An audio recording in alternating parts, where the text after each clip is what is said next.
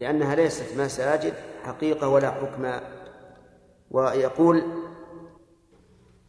قال سوى مسجد بيتها إذا نقول المصليات المعدة في البيوت أو في المكاتب لا تعتبر مساجد ولا يثبت لها حكم المساجد. قال ومن نذره ألها تعود على الاعتكاف. يعني من نذر الاعتكاف أو الصلاة يعني أو نذر الصلاة. في مسجد غير الثلاثة لم يلزم. يعني نذر رجل أن يعتكف في مسجد من المساجد في أي بلد فإنه لا يلزمه أن يعتكف فيه. إلا المساجد الثلاثة. قال المؤلف نعم غير المسجد الثلاثة. وش عندكم؟ غير الثلاثة وأفضلها الحرام فمسجد المدينة فالأقصى. المساجد الثلاثة هي المسجد الحرام وهو أول بيت وضع للناس وأشرف البيوت وأعظمها حرمة وله من الخصائص ما ليس لغيره. لا يوجد بيت في الأرض قصده من أركان الإسلام إلا المسجد الحرام فهو أفضل هذه المساجد الثلاثة ويليه المسجد النبوي الذي بناه النبي صلى الله عليه وعلى آله وسلم وهو في المدينة ويليه المسجد الأقصى وهو مسجد الأنبياء أو مسجد غالب أنبياء بني إسرائيل فهذه المساجد الثلاثة هي التي إذا نذر الصلاة فيها تعينت لكن سيأتي التفصيل. أفضلها المسجد الحرام. وقد قال النبي صلى الله عليه وعلى وسلم فيما صح عنه صلاة في مسجد هذا أفضل من ألف صلاة فيما سواه إلا مسجد الكعبة. وفي حديث آخر إلا المسجد الحرام. فما هي مضاعفة المسجد الحرام؟ مضاعفة المسجد الحرام مئة ألف صلاة. إذا أدى الإنسان فيه فريضة فهو كمن أدى مئة ألف فريضة فيما سواه. جمعة واحدة كم؟ مئة ألف جمعة. أعمار طويلة ما ما ما تدرك مئة ألف جمعة. المسجد النبوي الصلاة فيه خير من ألف صلاة فيما سواه. المسجد الأقصى في في السنن أو في المسند أن الصلاة فيه بخمسمائة صلاة. فهذه ترتيب المساجد الثلاثة. ثم ها هنا بحث بل أكثر من بحث. أولا هل الصلاة خاصة في المكان المعين من المسجد الحرام والمسجد النبوي والمسجد الأقصى أو كل ما ما حوله فهو مثله. نقول أما المسجد الأقصى فليس له حرم. ليس له حرم بالاتفاق لأن العلماء مجمعون على أنه لا حرم إلا للمسجد الحرام والمسجد النبوي على خلاف في ذلك وواد في الطائف يقال له وادي وج على خلاف فيه أيضا. وما عاد هذه الثلاثة الأماكن فإنها ليست في حرم بالاتفاق. ولا أحد يقول بأن المسجد الأقصى له حرم كحرم المدينة أو كحرم مكة. حرم المدينة إيه، نعم. المسجد النبوي. التضعيف خاص في المسجد الذي هو البداية المعروفة. لكن ما زيد فيه فهو منه. والدليل على أن ما زيد فيه فهو منه أن الصحابة رضي الله عنهم صلوا في الزيادة التي زادها عثمان رضي الله عنه مع أنها خارج المسجد الذي كان على عهد النبي صلى الله عليه وعلى آله وسلم. فما زيد فيه فهو منه ولو كبر فهو منه بقينا في المسجد الحرام. المسجد الحرام فيه خلاف بين العلماء. هل إن المراد بالمسجد الحرام كل الح... كل الحرم أو المسجد الخاص الذي فيه الكعبة؟ يقول صاحب الفروع إن ظاهر كلام أصحابنا يعني الحنابلة أنه خاص في المسجد الذي فيه الكعبة فقط. وأما المسجد الحرام أما بقية الحرم فلا يثبت له هذا الفضل. وقال بعض بعض العلماء إنه أي جميع الحرم أي جميع الحرم يثبت له هذا الفضل. ولكل دليل. رحمك الله. أما الذين قالوا إنه خاص في المسجد الحرام الذي فيه الكعبة فاستدلوا بما رواه بما رواه مسلم رحمه الله بلفظ صلاة في مسجدي هذا أفضل من ألف صلاة فيما سواه إلا مسجد الكعبة. ولا نعلم في مكة مسجدا يقال له مسجد الكعبة إلا المسجد الذي فيه الكعبة فقط. فلا, يقال عن المساجد التي في في الشبيكة والتي في آه، إيش؟ الزاهر والتي في الشعب. وغيره والعتيبي وغيره لا يقال لها مسجد لا يقال إنها مسجد الكعبة. وهذا نص كالصريح في الموضوع. ثم إن النبي صلى الله عليه وسلم قال لا تشد الرحال إلا إلى ثلاثة مساجد المسجد الحرام. ومسجد هذا والمسجد الأقصى. ومعلوم أن أن الناس لا يشدون الرحال إلى المساجد التي في العزيزية والشبيكة والزاهر وغيرها. إنما تشد الرحال إلى المسجد الذي فيه الكعبة. ولهذا اختص بهذه الفضيلة. ومن أجل اختصاصه بهذه الفضيلة صار شد الرحل له من الحكمة لينال الإنسان هذا الأجر.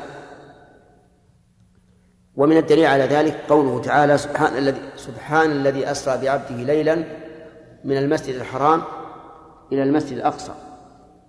وقد أسري بالنبي صلى الله عليه وسلم من الحجر الذي هو جزء من الكعبة. ومن الأدلة قوله تعالى يا أيها الذين آمنوا إنما المشركون نجس فلا يقربوا المسجد الحرام. بعد عامهم هذا.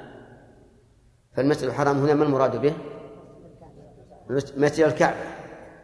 لا مكة لأن الله قال فلا يقربوا ولم يقل فلا يدخلوا ومن المعلوم أن المشرك أن المشرك لو جاء ووقف عند حد الحرم ليس بينه وبينه إلا شعرة لم يكن ذلك منهيا عنه.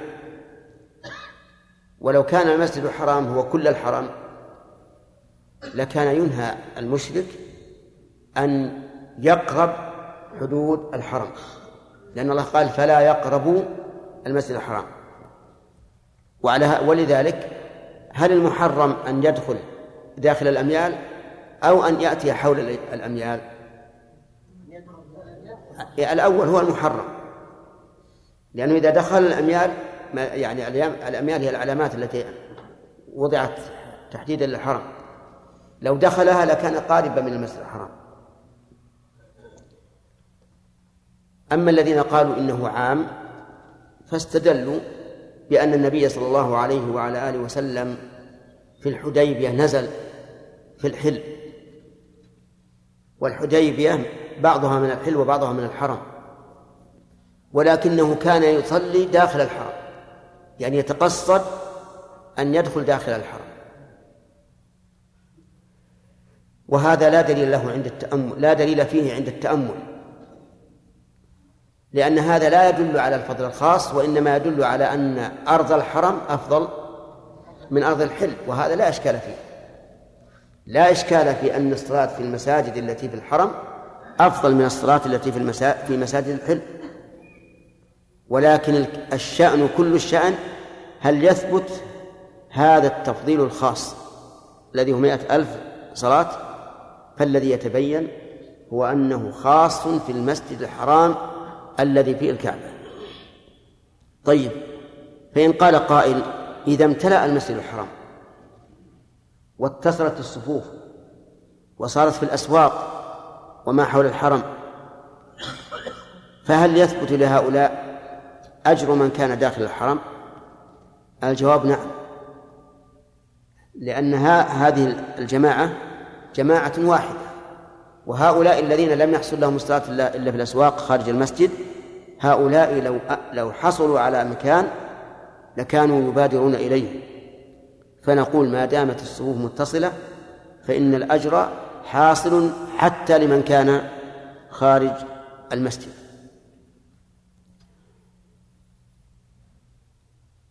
المسجد النبوي قلنا إنه باتفاق فيما نعلم أنه خاص في في مسجد النبي صلى الله عليه وسلم وما زيد فيه فهو منه. المسجد الأقصى كذلك خاص بالمسجد لا في كل مساجد القدس خاص في في مسجد الصخرة أو ما حوله حسب اختلاف الناس فيه ولكنه لا يشمل جميع المساجد في في فلسطين. يقول المؤلف أفضلها المسا... أفضلها الحرام فمسجد المدينة فالأقصى قال لم يلزمه الجملة هنا جواب إيش؟ جواب من؟ يعني من نذر الاعتكاف أو الصلاة في مسجد غير المساجد الثلاثة لم يلزمه فيه أي في المسجد الذي عينه ثم قال المؤلف وأفضلها نعم وإن عين الأفضل لم يجز فيما دونه وقوله رحمه الله لم يلزمه لم يلزمه ظاهر كلامه الإطلاق. حتى لو كان تعيينه للمسجد الذي نظر الاعتكاف فيه أو الصلاة لمزية شرعية ككثرة الجماعة وقدم المسجد لأن كثرة الجماعة مزية وقدم المسجد مزية. ولهذا قال العلماء المسجد العتيق أفضل من المسجد الجديد لتقدم الطاعة فيه. ولكن في النفس من هذا الشيء نقول إذا عين المسجد لمزية شرعية فإنه لا يتنازل عنه إلى ما دونه في هذه المزية. ولهذا قالوا لو عين المسجد الجامع واعتكافه يتخلله جمعة لم يجزه في مسجد غير جامع. لماذا؟ لأن لأن مسجد الجامع له مزية وهو أنه تجمع فيه تقام فيه الجمعة ولا يحتاج المعتكف إلى أن يخرج إلى مسجد آخر. ولأن التجميع في هذا المسجد يؤدي إلى كثرة الجمع. فالصحيح في هذه المسألة أن نقول غير المساجد الثلاثة إذا عينه لا يتعين إلا إيش؟ إلا لمزية شرعية. فإنه يتعين لأن النذر يجب الوفاء به ولا ولا يجوز العدول إلى ما دونه. يقول المؤلف وإن عين الأفضل لم يجز في غيره فيما دونه وعكسه بعكس إن عين الأفضل أي أفضل؟ المساجد الثلاثة لأن المؤلف قال أفضلها الحرام فمثل المدينة فالأقصى إذا عين المسجد الحرام لم يجز في المدينة ولا في بيت المقدس. وإن عين المدينة جاز فيها وفي مسجد مكة المسجد الحرام. وإن عين الأقصى جاز فيه وفي المدينة وفي المسجد الحرام. طيب. و و ولهذا يقول المؤلف وعكسه بعكسه يعني من نذر الأدون جاز في الأعلى. والدليل على هذا أن رجلا جاء يوم فتح النبي صلى الله عليه وعلى آله وسلم وقال إني نذرت إن فتح الله عليك مكة أن أصلي في بيت المقدس. شكرا لله. فقال صلها هنا. فسأله فقال صلها هنا. فسأله الثالثة فقال شأنك شأنك إذا. فدل ذلك على أنه إذا نذر الأدون جاز جاز في الأعلى ولا عكس. استدل شيخ الإسلام رحمه الله وبعض أهل العلم بهذا الحديث على أنه يجوز نقل الوقف من جهة إلى جهة أفضل منها. وهذا الاستدلال استدلال واضح. وذلك لأن النذر يجب الوفاء به. فإذا رخص النبي صلى الله عليه وسلم في الانتقال بالانتقال إلى ما هو أعلى في النذر الواجب فالوقف الذي هو أصله مستحب من باب من باب أولى. وهذا في الأوقاف العامة. أما الأوقاف الخاصة كالذي يوقف على ولده مثلا فإنه لا يجوز أن ينقل إلا إذا انقطع النسل. وذلك لأن الوقف الخاص خاص لمن وقف له. نعم. يقول رحمه الله ومن نذر زمنا معينا دخل معتكفه قبل ليلته الأولى وخرج بعد آخره. النذر يعني في الاعتكاف زمنا معينا. فمتى يدخل؟ يدخل قبل ليلته الأولى فإذا نذر أن يعتكف العشر الأول آه نعم العشر الأول من من رجب متى يدخل؟ عند غروب الشمس من آخر يوم من جماد الثانية وإذا نذر أن يعتكف العشر الأواخر من رمضان متى يدخل؟ لا مو مو ليلة تسعة مو بيوم تسعة عشر. ليلة العشرين إذا غابت الشمس يوم العشرين دخل. لا. لا يوم العشرين. إيه. إذا غابت الشمس يوم عشرين هذا قال دخل معتكفه قبل ليلته الأولى وخرج بعد آخره. يخرج إذا غربت الشمس من آخر يوم من الزمن الذي عينه. طيب إذا نذر أن يعتكف هذا الأسبوع ويشير إلى أسبوع مقبل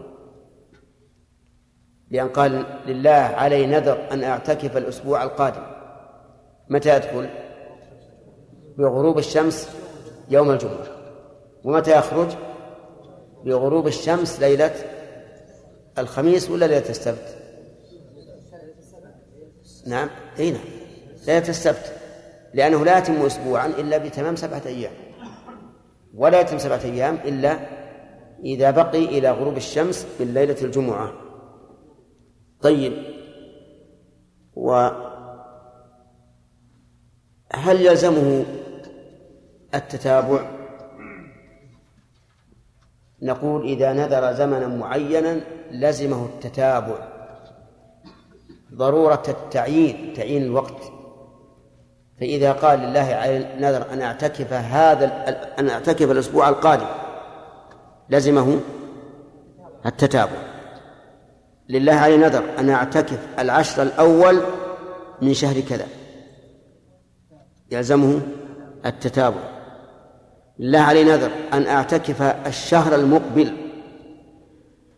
يلزمه التتابع ضرورة التعيين. أما إذا نذر عددا قال أنا أعتكف عشرة أيام أو أنا أعتكف أسبوعا ولم يعين الأسبوع فله أن يتابع وهو أفضل وله أن يفرق لأنه يحصل النذر بمطلق الصوم إن كان صوما أو بمطلق اعتكاف إن كان اعتكافا. قال ولا يخرج. نعم. ولا يخرج المعتكف إلا لما لا بد منه. كيف؟ كيف؟ لا ولا يخرج. لا ولا يخرج لا نافية. ولا يخرج المعتكف. إلا لما لا بد منه. نعم. سبق لنا في تعريف الاعتكاف أنه لزوم مسجد لطاعة الله. فالمعتكف قد ألزم نفسه أن يبقى في المسجد. فلا يخرج من المسجد إلا لما لا بد منه حسا أو شرعا. فالذي لا بد منه حسا أو شرعا له أن يخرج. مثال الأول حس الأكل والشرب والحصول على زيادة الملابس إذا كانت بردا. قضاء الحاجة البول أو الغائط هذا لا بد منه حسا. ومثال الثاني أن يخرج ليغتسل من جنابة مثلا. أن يخرج يتوضأ. لأنه لا بد أن يتوضأ لا بد أن يغتسل من الجنابة فهذه لا بد منها شرعا. ثم قال ولا يعود مريضا ولا يشهد جنازة إلا أن يشترطه. لا يعود مريضا إلا أن يشترطه. لا يشهد جنازة إلا أن يشترطه. أما كونه لا يعود مريضا فلأن عود المريض ليس ليس مما لا بد منه. لأنه إيش؟ سنة. يمكن للإنسان أن أن يدعه ولا يأثم وكذلك شهود الجنازة.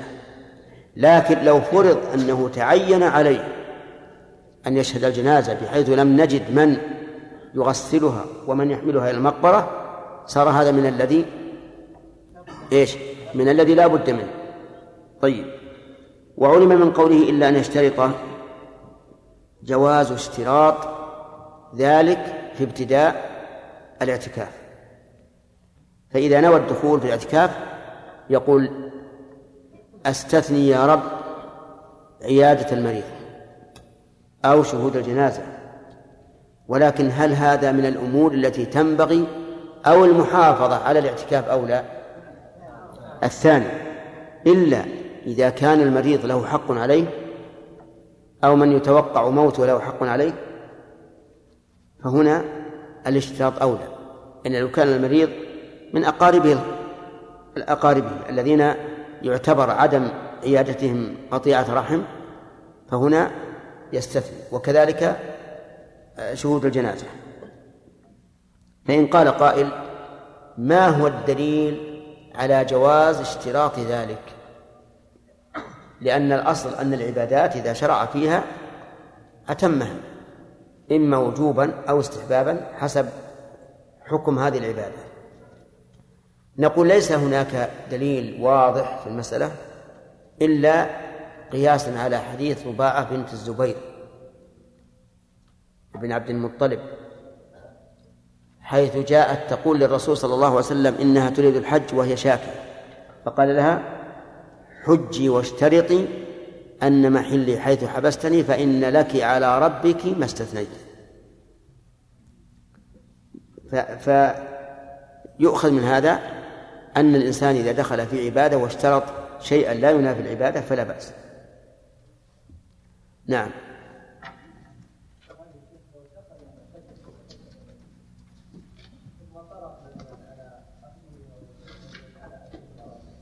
نعم.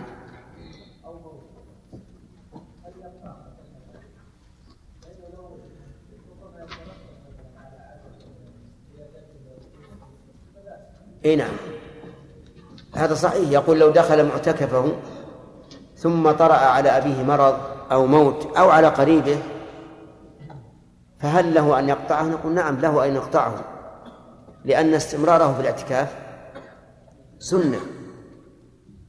وعيادته لأبيه أو قريبه الخاص آه، قد تكون واجبة لأنها من صلاة من صلاة الرحم وكذلك شهود الجنازة. نعم؟ إي نعم. لا الضرورة التي استثنوها هي الضرورة المتعلقة بالشخص المعتكف. ما هو بأمر خارج. نعم. تخيل.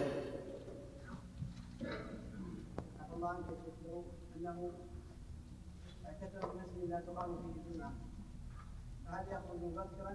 ام اذا قد اقتربت الخطبة. وهل في إذا كان اعتكاف السؤال سمعتموه؟ يقول اعتكف في غير مسجد جامع. ثم جاءت الجمعة. هل الأفضل أن يتقدم إلى الجمعة أو الأفضل أن يتأخر حتى يحضر الإمام. نقول هذه فيها احتمالان الاحتمال الأول التقدم لأن هذا مما يشرع للجمعة. فهو كما لو خرج للاغتسال للجمعة إذا قلنا بأنه مستحب. ويحتمل أن يقال التقدم إلى الجمعة السنة فهو أمر له منه بد فلا يتقدم بل ينتظر حتى حتى يحضر الإمام لأنه لم يلزم بالحضور إلى المسجد. وهو عندي محل تردد. نعم. أي نعم. نعم. نعم. نعم اتخاذ مصلى في البيت. طلبه عتبان بن مالك رضي الله عنه من النبي صلى الله عليه وعلى آله وسلم وحضر النبي عليه الصلاة والسلام إلى بيته وصلى فيه ليتخذ عتبان هذا المكان مصلى. وهذا فيه فائدة وهو حماية هذا المكان من أن تصيبه النجاسة أو الأذى وأيضا بعد الصبيان عنه بعد الصبيان عنه إذا عرفوا أنه مصلى. نعم. شيخ بارك الله فيك. ها هنا ثلاث مسائل. نعم. الأولى آه، مشى المصنف على أن الاعتكاف في غير المساجد الثلاثة جائز. نعم. في سنن ابن ماجه بسند صحيح. قال رسول الله صلى الله عليه وسلم لا اعتكاف إلا في المساجد الثلاثة. أجبنا عن هذا بارك الله فيك. أنا ما كنت حاضر. ما كنت حاضر. ارجع للشريط طيب ثانيا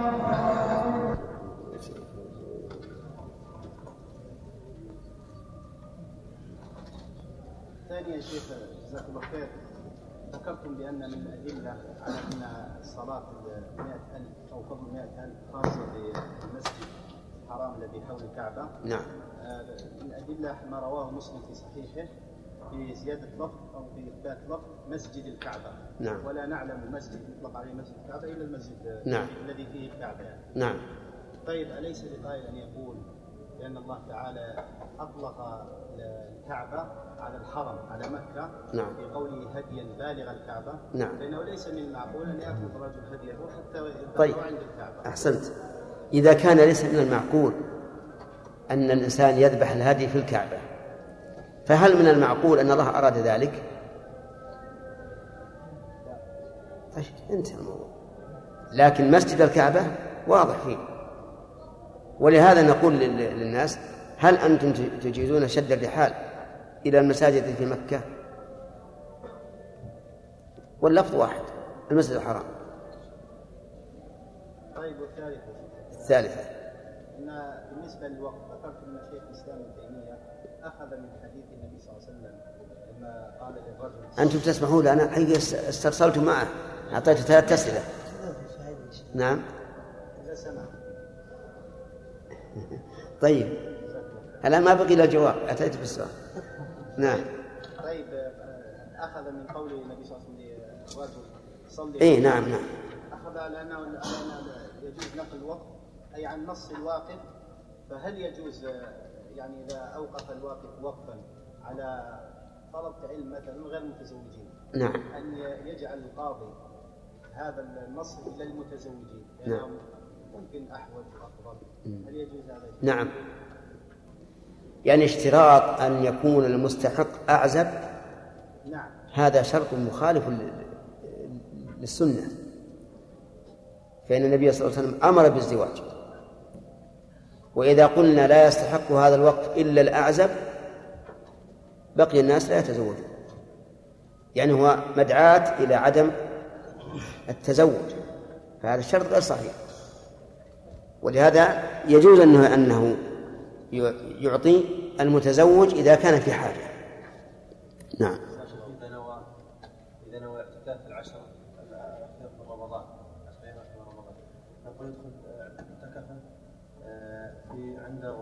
الشمس ليلة العشرين نعم وهنا يعتكف 21 يوم يوم العشرين يعتكف 21 11 يوم سلام كيف يعتكف 11 يوم؟ يوم العشرين لا مو مو ليلة 19 مو بيوم 19 ليلة العشرين إذا غابت الشمس يوم العشرين دخل ليلة العشرين لا ها؟ لا يوم العشرين. نعم. صحيح الآن؟ ها؟ لا إذا كان كذلك صح. إيه. يعني يدخل يوم 20 بالليل إذا غابت الشمس يوم عشرين ليلة واحد وعشرين. اشتراط على اشتراط المحرمة مع عبادات نعم. عبادات العبادات يمتنع فيها القياس إثبات عبادة مستقلة. أما شرط في عبادة أو ما أشبه ذلك مع تساوي العبادتين في المعنى فلا بأس به. وما زال العلماء يستعملون هذا. يجب يجب تجب التسمية في التيمم قياسا على الوضوء. تجب في الغسل قياسا على الوضوء. فالعلماء يستعملون هذا. لكن قصد من قال إنه لا قياس في العبادات يعني في إثبات عاد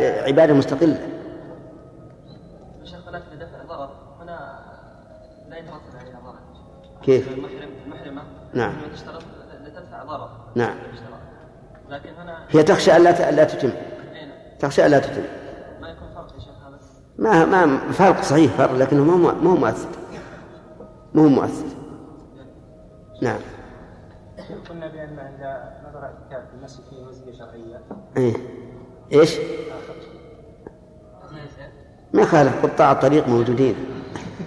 هل في بعض شيخ المساجد يوجد فيها مسجد آه، داخل المسجد للنساء مخصص للنساء إيه. ويوضع له دراسيات أحيانا المعتكف يا شيخ يحتاج إلى خروج دورة المياه بإمكانه أن يدخل دورة المياه اللي في المسجد هذه اللي حقت دورة النساء.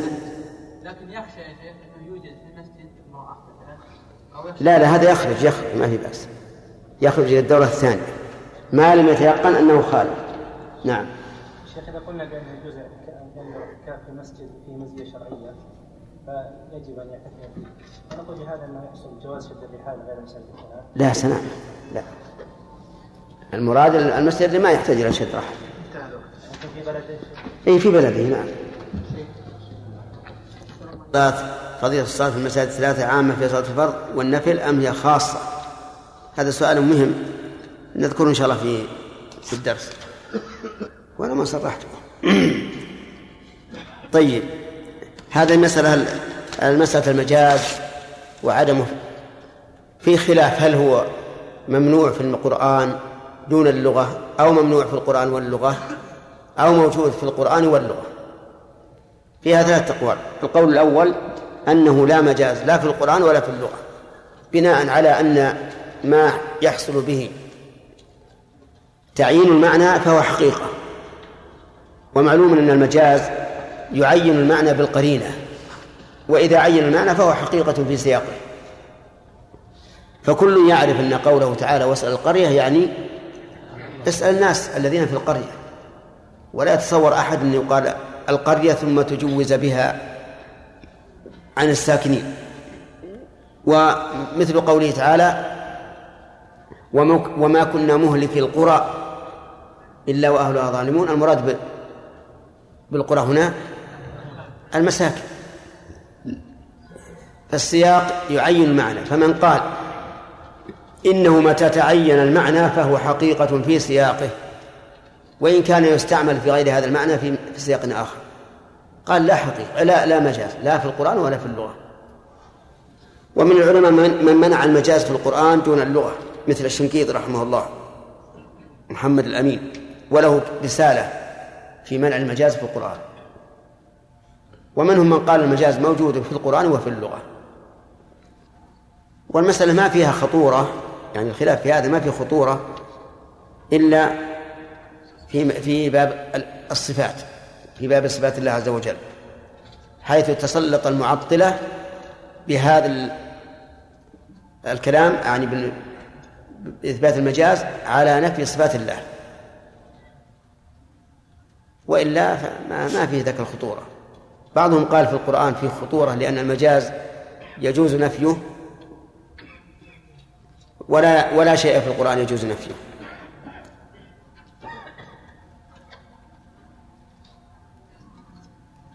هذا عبد الرزاق الكندي؟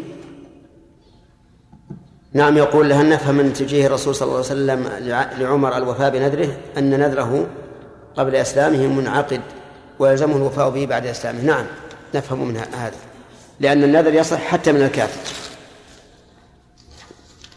والبقية لا حظ لهم.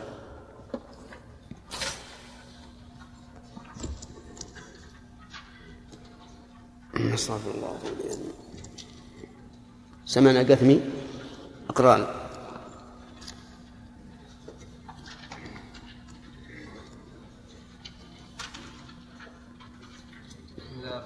هي القثمي ولا القثمي؟ الكسر؟ نعم.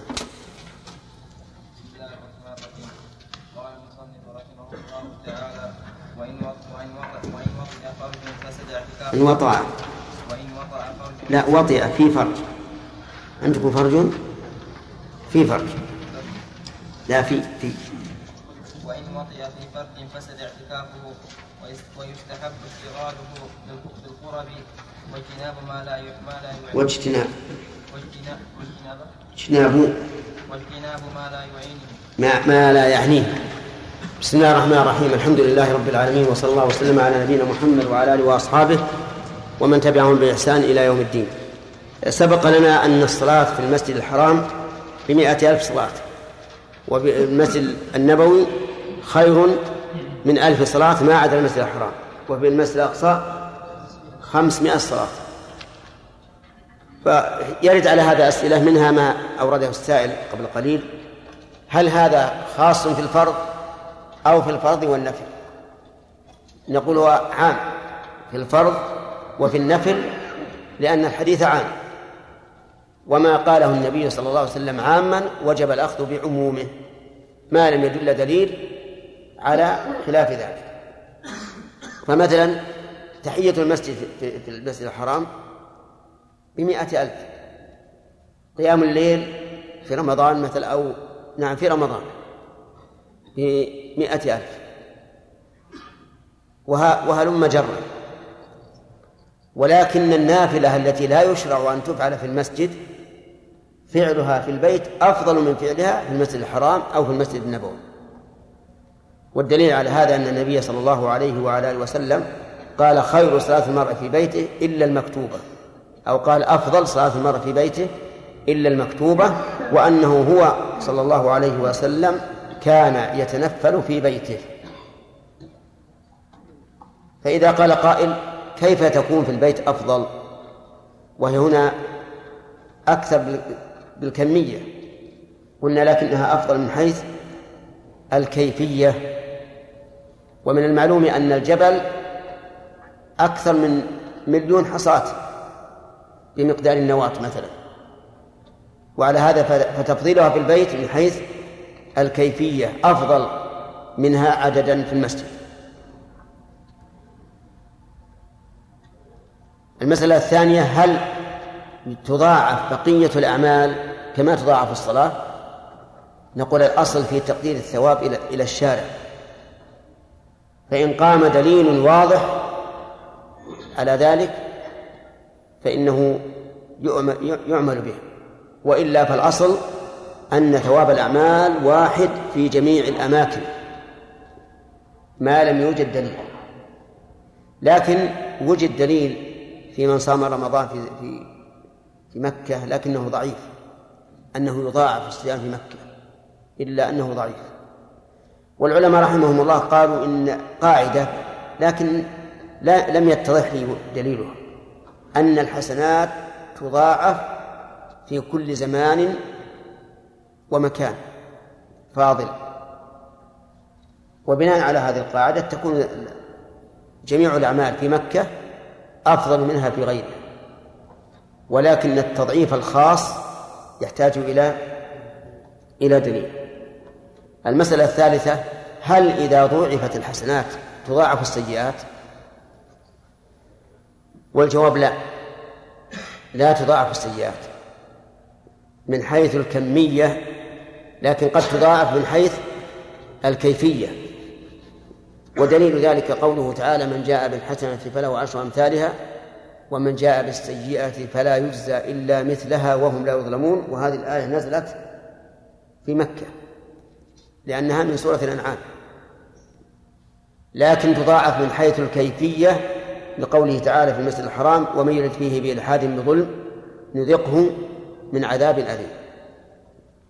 ولعل فيما ذكرنا كفاية بالنسبة لإجابة السائل. نرجع الآن إلى المناقشة فيما سبق رجل قال لله على النذر أن أصوم أن أعتكف العشر الأواخر من رمضان فمتى أدخل يا إمداد؟ من رمضان فمتى أدخل؟ يدخل ليلة 21 يعني بعد غروب الشمس ليلة من يوم 20 صحيح؟ نعم. ومتى أخرج؟ عقيل من آخر يوم من العشر. يعني ليلة العيد لا تدخل في هذا. طيب. صحيح. إذا نظر أن يعتكف عشرة أيام فهل يلزمه التتابع؟ كمال إذا نذر عشرة أيام. ليش؟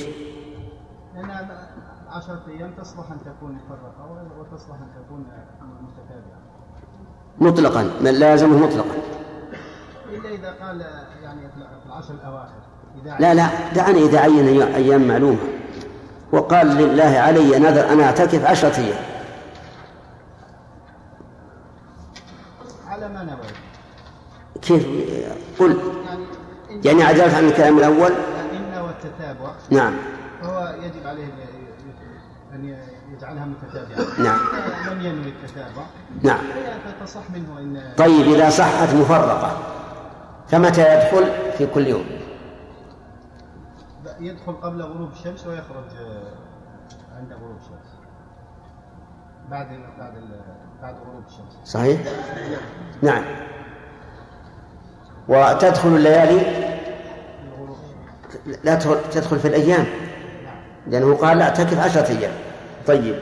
إذا نقول إذا نوى إذا نذر أن يعتكف عشرة أيام فإما أن يشترط التتابع بلفظه فهنا يلزمه ثابت وإن لم يشترط بلفظه فهو على ثلاثة أقسام. القسم الأول أن ينوي التفر التفريق. فلا تلزمه إلا مفرقة. والثانية أن ينوي التتابع فتلزمه متتابعة والثالث أن يطلق. فلا تلزمه متتابعة لكن إذا تتابع فهو أفضل لأنه أسرع في إبراء ذمته. أما إذا نذر أياما معينة كالعشر الأول أو الآخر أو أو أول أسبوع من الشهر أو ما أشبه ذلك فيلزم التتابع. خروج المعتكف للبيع والشراء يا خالد.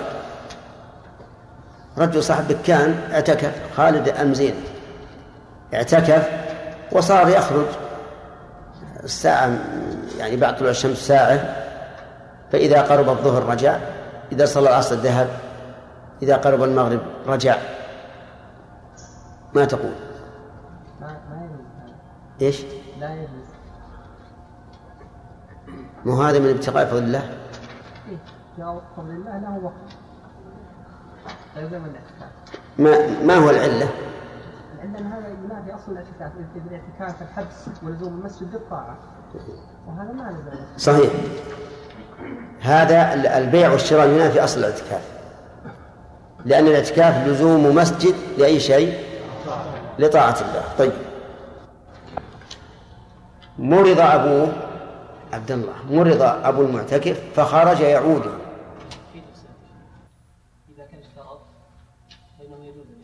كيف يشترط بالصحيح أول ما دخل.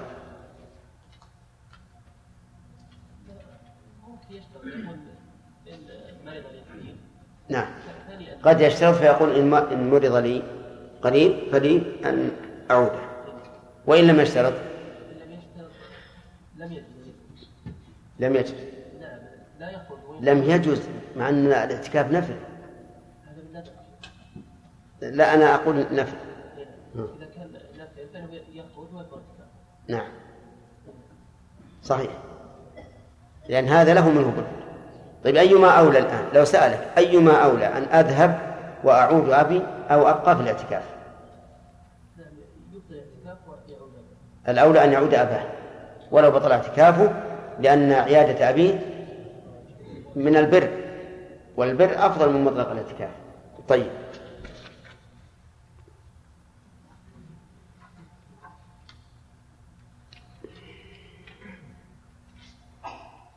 ناخذ درس الجديد قال المؤلف رحمه الله وإن وطئ في فرج إن وطئ الفاعل يعود على المعتكف. في فرج بطل اعتكافه لقول الله تعالى ولا تباشروهن وأنتم عاكفون في المساجد. وهذا نهي صريح في أنه لا تجوز مباشرة النساء حال الاعتكاف وأنتم عاكفون في المساجد. فلو جامع بطل اعتكاف لأنه فعل ما نهي عنه بخصوصه. وكل ما نهي عنه بخصوصه في العبادة فإنه يبطلها. وهنا ينبغي أن نتعرض لهذه القاعدة المفيدة. النهي إن عاد إلى نفس العبادة فهي حرام وباطلة. إذا عاد إلى نفس العبادة فهي حرام وباطلة. مثاله لو صام الإنسان يوم العيد فصومه حرام وباطل لأن النبي صلى الله عليه وعلى آله وسلم نهى عن صوم يوم العيد. ولو أن المرأة وهي حائض صامت لكان صومها حراما وباطلا. لماذا؟ لأنه منهي عنه بخصوصه يعني قيل للحائض لا تصومين فإذا صامت فكل شرط ليس في كتاب الله فهو باطل وإن كان مئة شرط كل عبادة تنافي أمر الشرع أو توقع في ما نهى عنه فهي باطلة واضح؟ طيب الحالة الثانية أن يعو أن يكون النهي على قول أو فعل يختص بالعبادة. أن يكون النهي عائدا إلى قول أو فعل يختص بالعبادة. فهذا أيضا يبطل العبادة. يبطلها مثال ذلك الأكل في الصوم. الأكل في الصوم الأصل فيه أنه حلال. الأصل فيه أنه حلال. أليس كذلك؟ فإذا أكل الصائم فسد صومه لأن النهي عائد إلى فعل يختص بإيش؟ بالعبادة الذي هو الصوم طيب إذا جامع وهو إذا جامع وهو محرم فما الحكم؟ يفسد إحرامه الدليل قوله تعالى فمن فرض فيهن الحج فلا رفث ولا فسوق ولا جدال في الحج. طيب. إذا حلق رأسه وهو محرم. النهي هنا عن فعل يختص بالعبادة. لا تحلقوا رؤوسكم حتى يبلغ الهدي محله. فسد الإحرام. فسد الإحرام. لأن النهي يعود إلى فعل يختص بالعبادة. وكأنكم شوشتم ما أدري وش السبب. نعم؟ القاعدة. القاعدة. فإما أن يوجد دليل يخصص هذه المسألة وإما أن لا يمكن. وإما أن تفسد الظاهرية ذهبوا إلى فسادها. وقالوا إن فعل المحظورات في الإحرام مفسد للإحرام. هذه القاعدة. وتدبروها في كل شيء. كل ما نهي عنه في العبادة إذا فعله الإنسان أبطله لأنه منهي عنه لأجل هذه العبادة. فإذا انتهكت الحرمة فسدت العبادة. وأما حديث كعب بن عجرة حيث إن الرسول أذن له بل الله عز وجل أذن لمن كان مريضا أو بهذا من رأسه أن يحلق ويفتي. فهذا لعذر. ولا يستوي المعذور وغير المعذور. لا يستوي المعذور وغير المعذور. إيش نقول؟ نعم. نسلم. طيب عندنا قاعدة أساسية الآن. كل فعل أو قول نهي عنه في العبادة فهو يفسدها. هذا القاعدة مضطردة وهذا قول أو فعل نهي عنه في العبادة محظور من محظورات الإحرام فيفسدها. ولا يمكن أن يقال إن لنا حجة في قصة كعب بن عجرة لأنه معذور ولما صار معذورا صار الحلق في حقه. إيش؟ حلالا مو حرام. فإذا فعله في هذه الحال لم يكن فعل محظورا.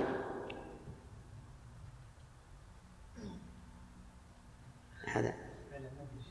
نعم. إيه؟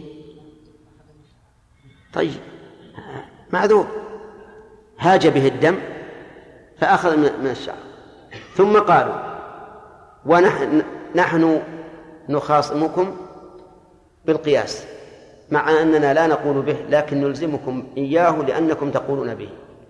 لماذا تقولون إنه إذا جامع فسد إحرامه؟ أي فرق؟ ما يخالف نعم؟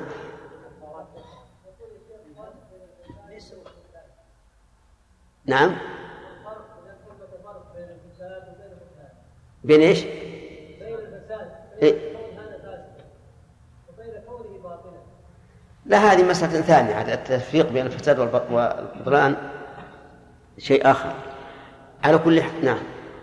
شيخ بارك الله فيك. ذكرتم قبل هذا أن الفقهاء قالوا إلا في الحج لأنه تكلف مشقة وجاءوا لا لا مو مو هذه هذه ذكرنا في جواز الخروج من النفل.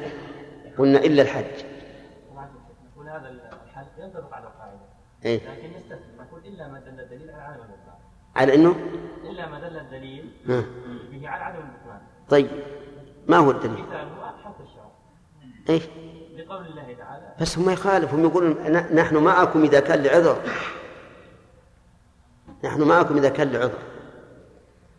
لكننا نجيبهم بما جاء في القرآن. الصيد حرام في الإحرام.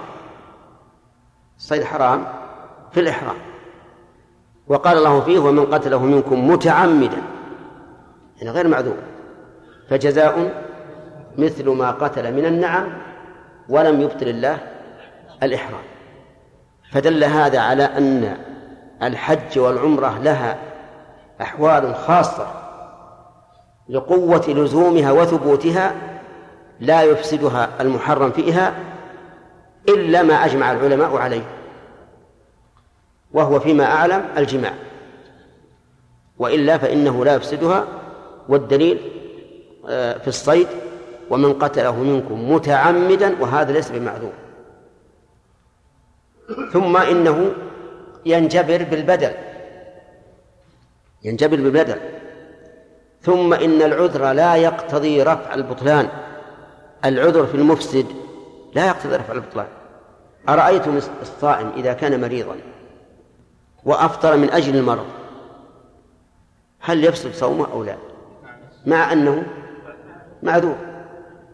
فلهذا تبين أن أهل الظاهر رحمة الله عليهم أول ما يسمع الإنسان حجتهم نعم ينبهر. ينبهر يقول هذه حجة لا لا, لا مناص منها. لكن عندما يتأمل يتبين له إذا وفقه الله عز وجل للبيان وإن كان قيادته سهلة مشى. لكن إذا إذا إذا تأمل وجد أن الفقه كل الفقه في الذين يتبعون الدليل ظاهره ظاهره وباطنه ويحملون النصوص الشرعية بعضها على بعض حتى تتلائم. ولذلك أنا أرى أن الظاهرية لهم حجج قوية لكنها على اسمها. إيش هي؟ ظاهرية.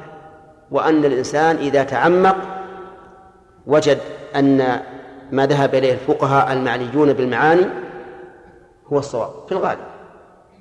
طيب إذن القاعدة اللي ذكرنا نرجع إلى قاعدتنا لا بعد نضيع. إيش القاعدة؟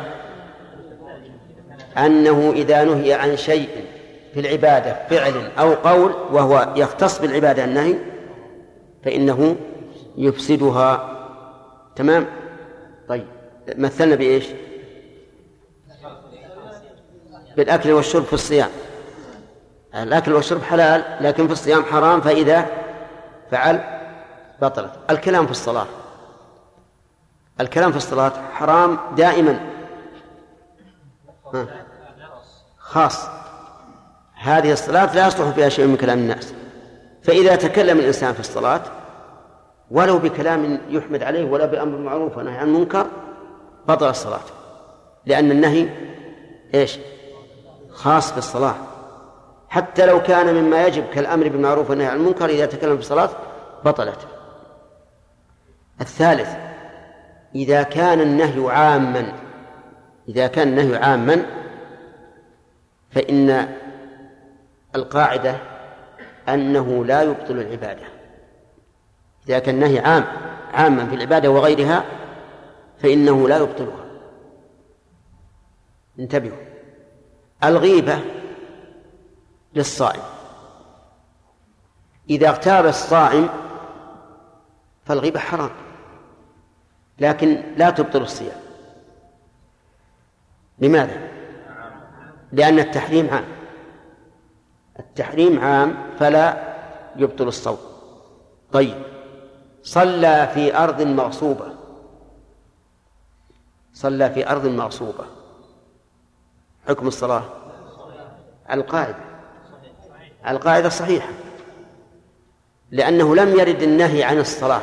لو قال لا تصلوا في أرض مغصوبة فصلى قلنا ها لا تصح لا تصح. ليش؟ لأنه نهي عن الصلاة بذاتها بعينها طيب توضأ بماء مغصوب إيش القاعدة؟ تقتضي أن يكون الوضوء صحيحا لأن التحريم عام. استعمال الماء المغصوب في الطهارة في غسل الثوب في الشرب في غسل أي شيء حرام. في التحريم عام فلا يوجب بطلان بطلان الصلاة الوضوء. لا بطلان العبادة. واضح الآن؟ طيب. آه لو صلى وهو محدث. ها. لا تصح. ليش؟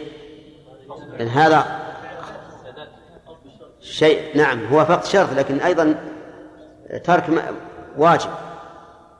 ووقوع في منهي عنه لا صلاة بغير وضوء فتكون الصلاة غير صحيحة. وعلى هذا فقس. فصار عندنا الآن ثلاث قواعد. إذا عاد النهي إلى ذات العبادة نعم فهي حرام ولا تصح. إذا عاد النهي إلى فعل شيء أو قول شيء يختص بالعبادة أفسدها. إذا عاد النهي إلى شيء عام في العبادة وغيرها فإنه لا يبطلها. نعم. طيب صلى في المقبرة. صلى في المقبرة. لا تصح؟ ليش؟ لأن فيه نهي خاص. فيه نهي خاص. الأرض كلها مسجد إلا المقبرة والحمام. طيب. صلى إلى قبر. يعني جاء القبر قبلته. لا تصح. ليش؟ لأن نهي عن عن نفس الصلاة. لا تصلوا إلى القبور. وعلى هذا فقس. هذه هي القاعدة المفيدة. الآن نرجع إلى الاعتكاف. رجل تزوج حديثا وهو شاب. وليكن زواجه ليلة تسعة عشر من رمضان. نعم. ودخل المعتكف ليلة إحدى وعشرين. وكأنه اشتاق إلى أهله. فذهب إلى أهله وجامع. ما حكمه؟ باطل الاعتكاف. طيب. اشترط لأنه حديث لأنه حديث حديث عهد بعرس اشترط عند دخوله في الاعتكاف أن ينام مع أهله. شرط. ليش؟ لأن هذا هذا محلل لما حرم الله. وكل شرط أحل ما حرم الله فهو فهو باطل. طيب. يقول إن وطأ في فرج فزل اعتكافه. وإن وطأ في غير فرج مثل وطأ زوجته بين الفخذين هل يفسد؟ قالوا لا يفسد. إلا إلا أن ينزل. وإن فرج فسد اعتكافه ويستحب اشتغاله بالقرب واجتناب ما لا يعنيه. طيب. يستحب اشتغاله بالقرب. يعني لا بالعلم. إلا شيئا نادرا يفوت بفوات الوقت فلا بأس. وإلا فالأفضل أن يشتغل بالعبادات الخاصة. كقراءة القرآن والذكر والصلاة في غير وقت النهي وما أشبه ذلك. وهو أفضل من أن يذهب إلى حلقات العلم. اللهم إلا أن تكون هذه الحلقات نادرة لا تحصل له في غير هذا الوقت فربما نقول طلب العلم في هذه الحال أفضل من من الاعتكاف. فاحضرها. لكن سيحمل كتابه ويجلس على شيخه يقرأ نقول هذا الأفضل ألا يفعل. نعم يشتغل بالقرب واجتناب ما لا يعنيه. اجتناب ما لا يعنيه.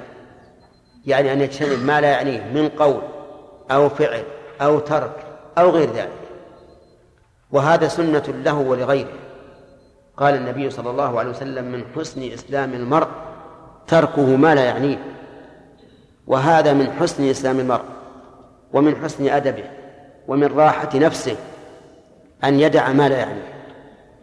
أما كونه ينبش عن شيء لا يعنيه لو يشوف اثنين يتكلمون قال تعال وش قال لك الرجال؟ يتعب. أليس كذلك؟ يتعب. إذا كان أيضا يتتبع الناس وش حصل لفلان وش صار لفلان؟ وش صار في أمريكا وش صار في موسكو؟ وش صار في لندن وش صار في باريس؟ هل يعنيه هذا؟ أكثر الأحيان ما يعنيه. ربما يعنيه إذا إذا أساء هؤلاء الكفار إلى المسلمين يعنيه هذا الشيء لأجل يدعو الله عليهم. لكن أشياء ما لا ما تعنيه فإن من حسن إسلام المرء وأدبه وراحته أن يدع ما لا يعنيه. ولهذا تجد الرجل السماع الذي ليس له هم إلا سماع ما يقول الناس والاشتغال بقيل وقال تجده منفرط عليه منفرطا عليه الوقت. طيب اجتناب ما لا يعنيه. هل يجوز مثلا أن يزوره أحد من أقاربه ويتحدث إليه ساعة من زمان. الجواب نعم لأن صفية بنت حويي زارت النبي صلى الله عليه وسلم في معتكفه وتحدثت إليه ساعة وهذا لا بأس به وهذا مما يعني الإنسان مما يعني الإنسان أن يتحدث إلى أهله لأنه إذا تحدث إلى أهله أدخل عليهم السرور وحصل بينهم الإلفة وهذا أمر مقصود للشرع. ولذلك ينبغي لنا أن لا يكون الإنسان منا كلا. تجد مثلا يجلس إلى أهله ما يكلمه ولا يتحدث إليه. إن كان طالب علم كتابه معه نعم. وإن كان هو عابد يقرأ القرآن مثلا أو يذكر الله ولا يتكلم. ثم إذا سألت ليش يا أخي ما تكلم؟ قال من كان يؤمن بالله واليوم الآخر فليقل خيرا أو ليصمت أنا وش أقول؟ ما عندنا كلام. أنا ما بعلمه ال- ال- الفقه ولا التوحيد ولا التفسير. ما عندي كلام وش أقول؟ إذن الأولى أن أصمت. نقول يا أخي الخير فليقل خيرا. الخير إما أن يكون في ذات. الكلام أو في غيره فيما يؤدي إليه الكلام. ولا شك أنه إذا تكلمت مع أهلك أو مع أصحابك بكلام مباح في الأصل ولكن قصدك إدخال ولكن قصدك إدخال الأنس والسرور عليهم. صار هذا إيش؟ خيرا لكن لغيره ولا لذاته؟ لغيره. وقد يكون خيرا لذاته أيضا. ربما تعرض عليهم مسألة فقهية أو آية تقول فسروا الآية هذه أو حديث تقول إيش معناه. فالمهم أن تجنب ما لا يعنى الإنسان لا شك أنه خير للمعتكف ولغيره. سمعنا أن واحد من الناس قال أنا لن أتكلم بكلام الآدميين أبدا. لا أتكلم إلا بكلام الله. فإذا دخل إلى بيتي قال ابعثوا بأحد ابعثوا أحدكم بورقكم هذه إلى المدينة. فلينظر أيها أزكى طعاما فليأتكم برزق منه. يعني دوك قروش ج- جبنا الخبز. نعم. كل ما قيل ما يتكلم إلا بالقرآن. ما تقولون في هذا. نعم. قال أهل العلم يحرم جعل القرآن بدلا من الكلام. وأنا رأيت في زمن الطل- الطلب وأنا صغير قصة في جواهر الأدب.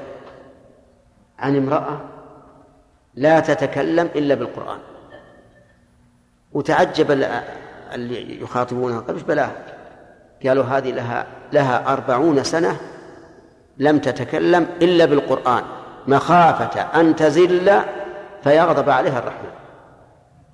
ماذا نقول نحن؟ نقول هي زلت الآن. هذا زلل. القرآن لا يجعل بدلا من الكلام. لكن لا بأس أن يستشهد الإنسان بالآية على قضية وقعت. كما يذكر عن النبي عليه الصلاة والسلام أنه كان يخطب فخرج الحسن والحسين يعثران بثياب لهما فنزل فأخذهما وقال أظن صدق الله إنما أموالكم وأولادكم فتنة. فالاستشهاد بالآيات على الواقع إذا كانت مطابقة تماما لا بأس به. نعم. خالد؟ والضم وما شابه ذلك المباشرة فيما دون الصرف غير ممكن للاعتكاف مع انه لا فيه. إيه. هم يقولون إن إن قوله تعالى لا تباشرهن يراد به الجماع. لكن مقدماته تحرم تحريم الوسائل. لكنه إذا أمن على نفسه الجماع. كيف؟ إذا أمن على نفسه الجماع في الفرج نعم. معنى هذا أنهم يجيزون له القبلة والضم وما ما تجوز؟ ما تجوز. لكنهم يعني يمنعونها لكن لو فعل لم يفسد اعتكافه. إي نعم. طيب آه، بالنسبة للخروج الآن ممكن أن نقول آه، الخروج ثلاثة أقسام. قسم يجوز بلا شرط وقسم لا يجوز ولو بشرط وقسم يجوز بشرط. القاعدة ما يجوز بلا شرط هو الذي لا بد منه حسا أو أو شرعا. وما لا يجوز ولو بشرط هو الذي ينافي الاعتكاف. وما يجوز بشرط هو الأمور المطلوبة شرعا لكنها ليست بواجبة نعم. المناسك إحنا قرأنا المناسك. م- اي أقول قرأناها كلها. اذا البيوع. الجهاد. طيب.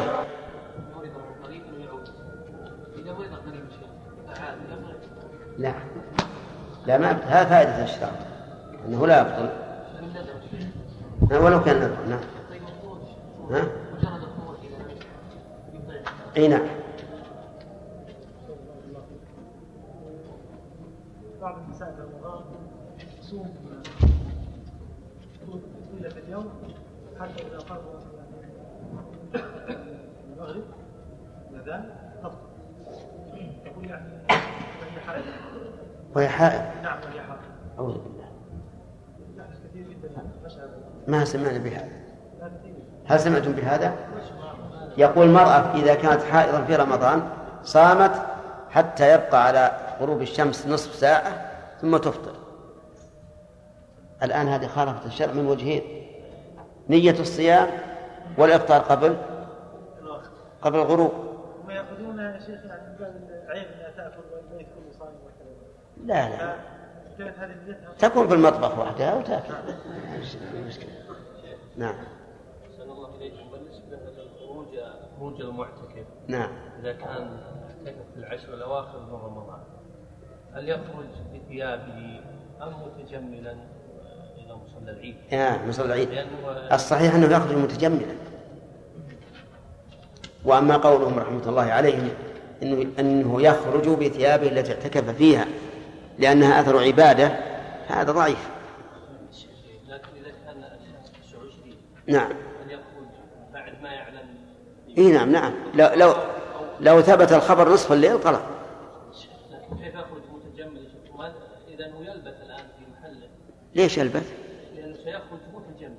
طيب يروح لبيته إي نعم هو أخي إيه نعم. بقي علينا مسألة سأل عنها الناس في أيام رمضان. قالوا إننا قالوا إنهم معتكفون. ولا يستطيعون أن يصعدون إلى السطح للدرس إلا عن طريق آه، الخارج يعني. يخرجون من الباب ويدخلون من الباب الثاني. فهل هذا يبطل الاعتكاف؟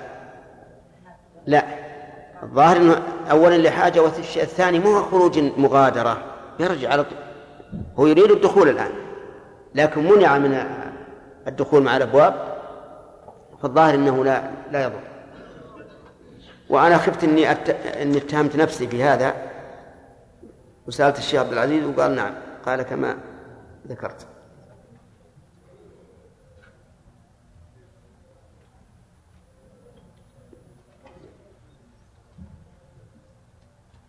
هذا السائل عبيد الله يق- يقول إذا كان النهي عاما فلا يفسد العبادة فماذا نقول في شرب الخمر والزنا للصائم مع أن النهي هنا عام؟ ما وماذا نقول في الغيبة للمصلي؟ أو مثل واحد إذا قام يصلي وقام يلعن وهو يصلي. قال هذا النهي عام. ماذا تقولون؟ كلام. هذا كلام وهذا أكل وشرب و وجماع. القاعدة أن هذا منهي عنه بعينه في الصيام. منهي عنه بعينه لكن ما ورد حديث مثلا أنه نهي عن الغيبة بعينها في الصيام. نعم.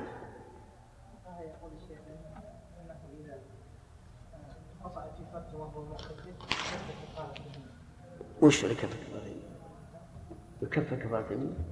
يضرب في الشعر. هذا النذر. الشيخ نعم. الشيخ بالنسبة إذا قلنا النساء صلاتهم في بيوتهم خير من صلاتهم في المسجد الحرام والمسجد النبوي. نعم. وصلاتي أنا النافلة خير من صلاة في المسجد الحرام. لا إذا كانوا في يعني في بلدانهم هل أفضل صلاتهم في بلدانهم من من صلاتهم في المسجد الحرام؟ يعني ليس الصلاه في مكة؟ أو في المدينة اللي في بلده كيف تجي يصلي في المسجد الحرام؟ لا يعني هل يعني تفضل يعني إذا إذا قالت المرأة أريد أن أسافر مثلا إلى مكة كي يصلي هناك؟ يعني على كل حال الصلاة في مكة أفضل من الصلاة في الحرم الصلاة في الحرم أفضل من الصلاة في الحرم لا يعني بالنسبة للمرأة يا شيخ. المرأة وغيرها هل تقول ما يعني سفر إلى مكة تقول يعني لا فائدة كبيرة من السفر إلى مكة لأنه نعم. ما في تضاعف. العمرة. فائدتها العمرة. نعم ذكرت يا شيخ ان الأجر الكمي افضل من الأجر الكيفي في الصلاه في البيت في الحرم. إن إيش؟ الاجر الكمي الكيفي. الكيفي افضل من الأجر الكمي نعم. طيب يا شيخ هل يأخذ الأجر الكمي إذا صلى في البيت؟ لا. لكن يأخذ أجر كيفي أكثر أكثر بكثير من الكم. نعم. مثلا يا شيخ إذا الإنسان آه، صلى وين أنت ما سمعت. طيب انتهى طيب. المراجعة.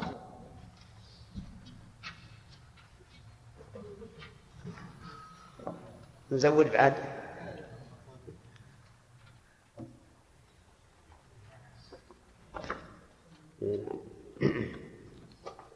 بسم الله الرحمن الرحيم. الحمد لله رب العالمين. وصلى الله وسلم على نبينا محمد وعلى آله وأصحابه ومن تبعهم بإحسان إلى يوم الدين.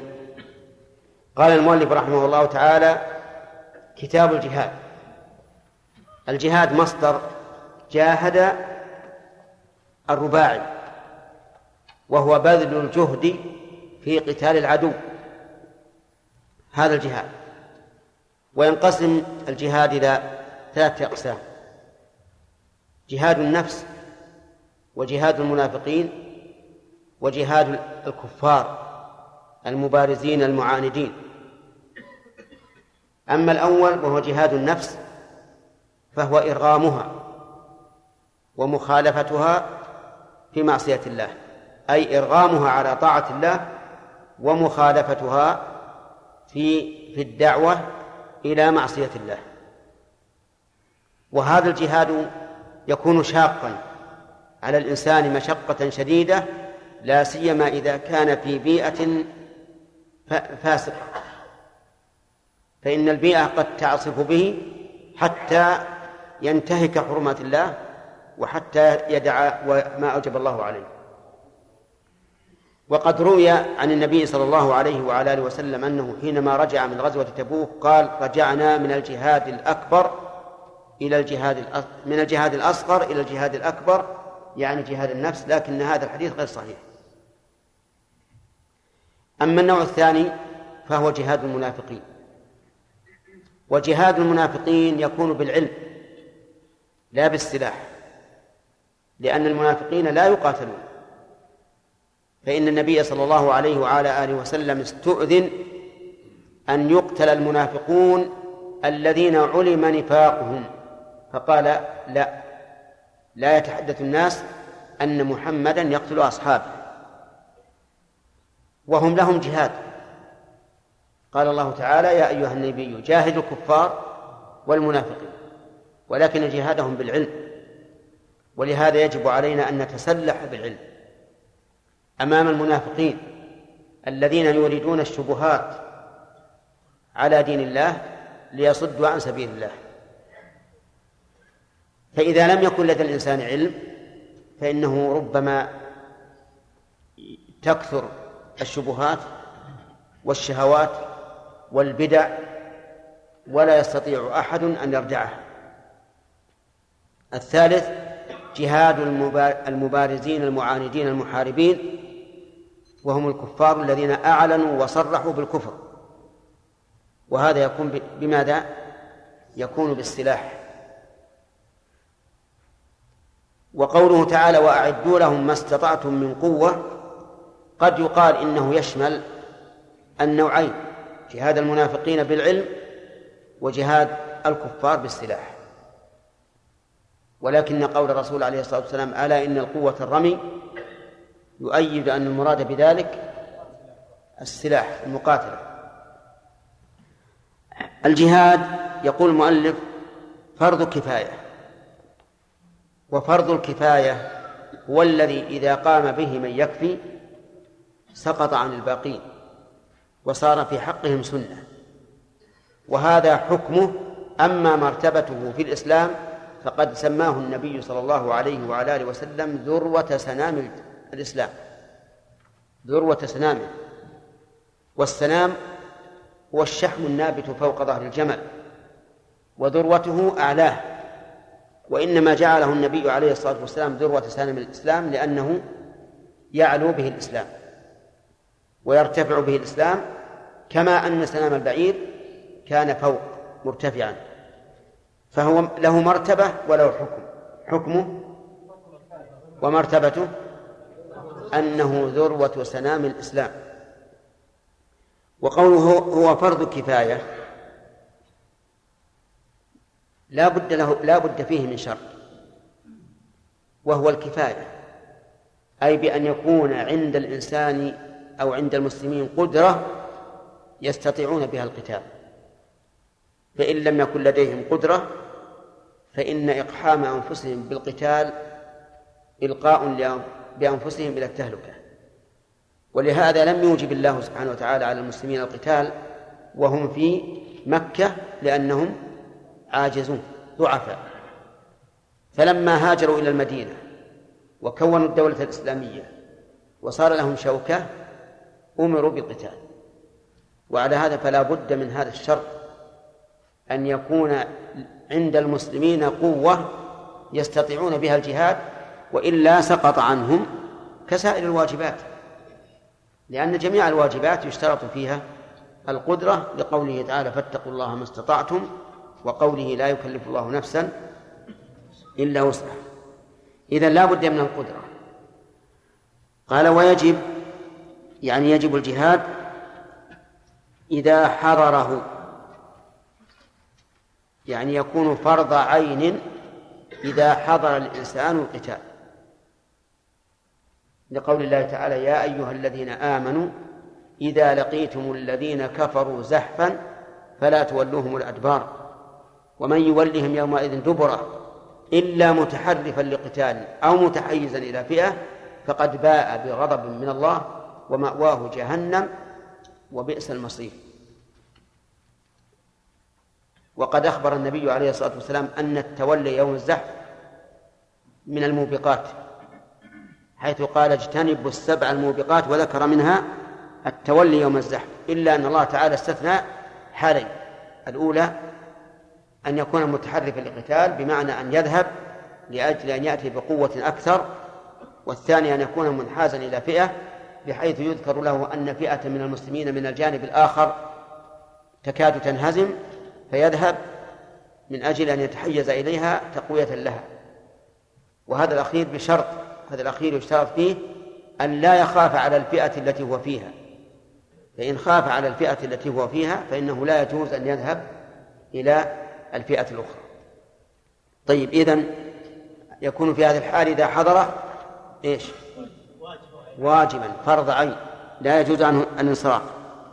الثاني إذا حصر بلده العدو إذا حصر بلده العدو يجب عليه القتال. دفعا عن البلد. وهذا يشبه من حضر الصف في القتال.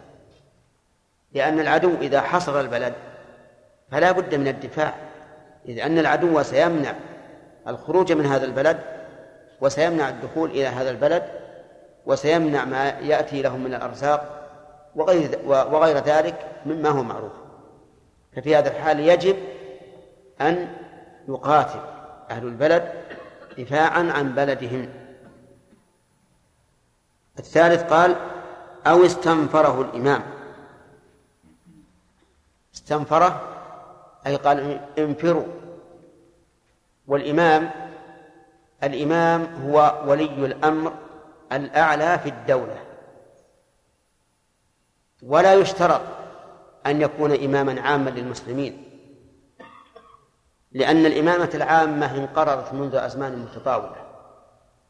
والنبي عليه الصلاة والسلام قال اسمعوا وأطيعوا وإن تأمر عليكم عبد حبشي. فإذا تأمر إنسان على جهة ما صار بمنزلة الإمام العام وصار أمره نافذا وصار قوله نافذا وأمره مطاعا. وأنتم تعلمون أنه من عهد أمير المؤمنين عثمان بن عفان رضي الله عنه والأمة الإسلامية بدأت تتفرق. فابن الزبير في الحجاز وبنو مروان في الشام وبنو العباس المختار بن عبيد وغيرهم في في العراق. تفرقت الأمة. وما زال أئمة الإسلام يدينون بالولاء والطاعة لمن تأمر على ناحيتهم وإن لم تكن له الخلافة العامة. وبهذا نعرف ضلال من ضلال ناشئة نشأت تقول إنه لا إمام للمسلمين اليوم فلا بيعة لأحد. نسأل الله العافية. وهؤلاء لا أدري هل يريدون أن تكون الأمور فوضى؟ ليس للناس قائد يقودهم؟ هل يريدون أن أن يقال كل إنسان أمير نفسه؟ هؤلاء إذا ماتوا من غير بيعة فإنهم يموتون ميتة جاهلية والعياذ بالله. لأن عمل المسلمين منذ أزمنة متطاولة على أن من استولى على ناحية من من النواحي وصار له الكلمة العليا فيها فهو إمام. إمام فيها.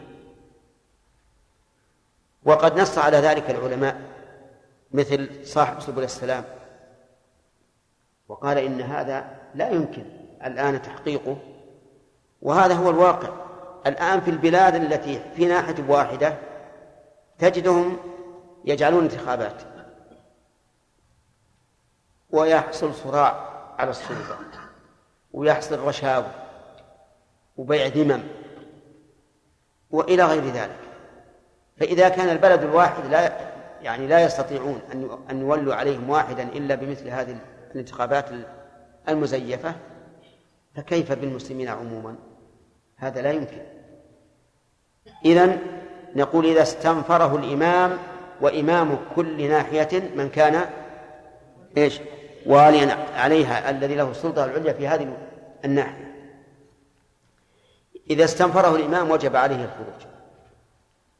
لقول الله تعالى يا أيها الذين آمنوا ما لكم إذا قيل لكم انفروا في سبيل الله؟ إذ ثاقلتم إلى الأرض. أرضيتم بالحياة الدنيا من الآخرة؟ فما متاع الحياة الدنيا في الآخرة إلا قليل. إلا تنفروا. يعذبكم عذابا أليما ويستبدل قوما غيركم وقال النبي صلى الله عليه وسلم إذا استنفرتم فانفروا. ولأن هذا من أدلة سمعية أدلة عقلية دليل عقلي. لأن الناس لو تمردوا في هذه الحال على الإمام لحصل الخلل الكبير على على الإسلام. إذ أن العدو سوف يقدم ويتقدم إذا لم يكن إذا لم يجد من يقاومه ويدافع. بقي مسألة رابعة أو صورة رابعة. إذا احتيج إليه إذا احتيج إليه صار فرض عين عليه.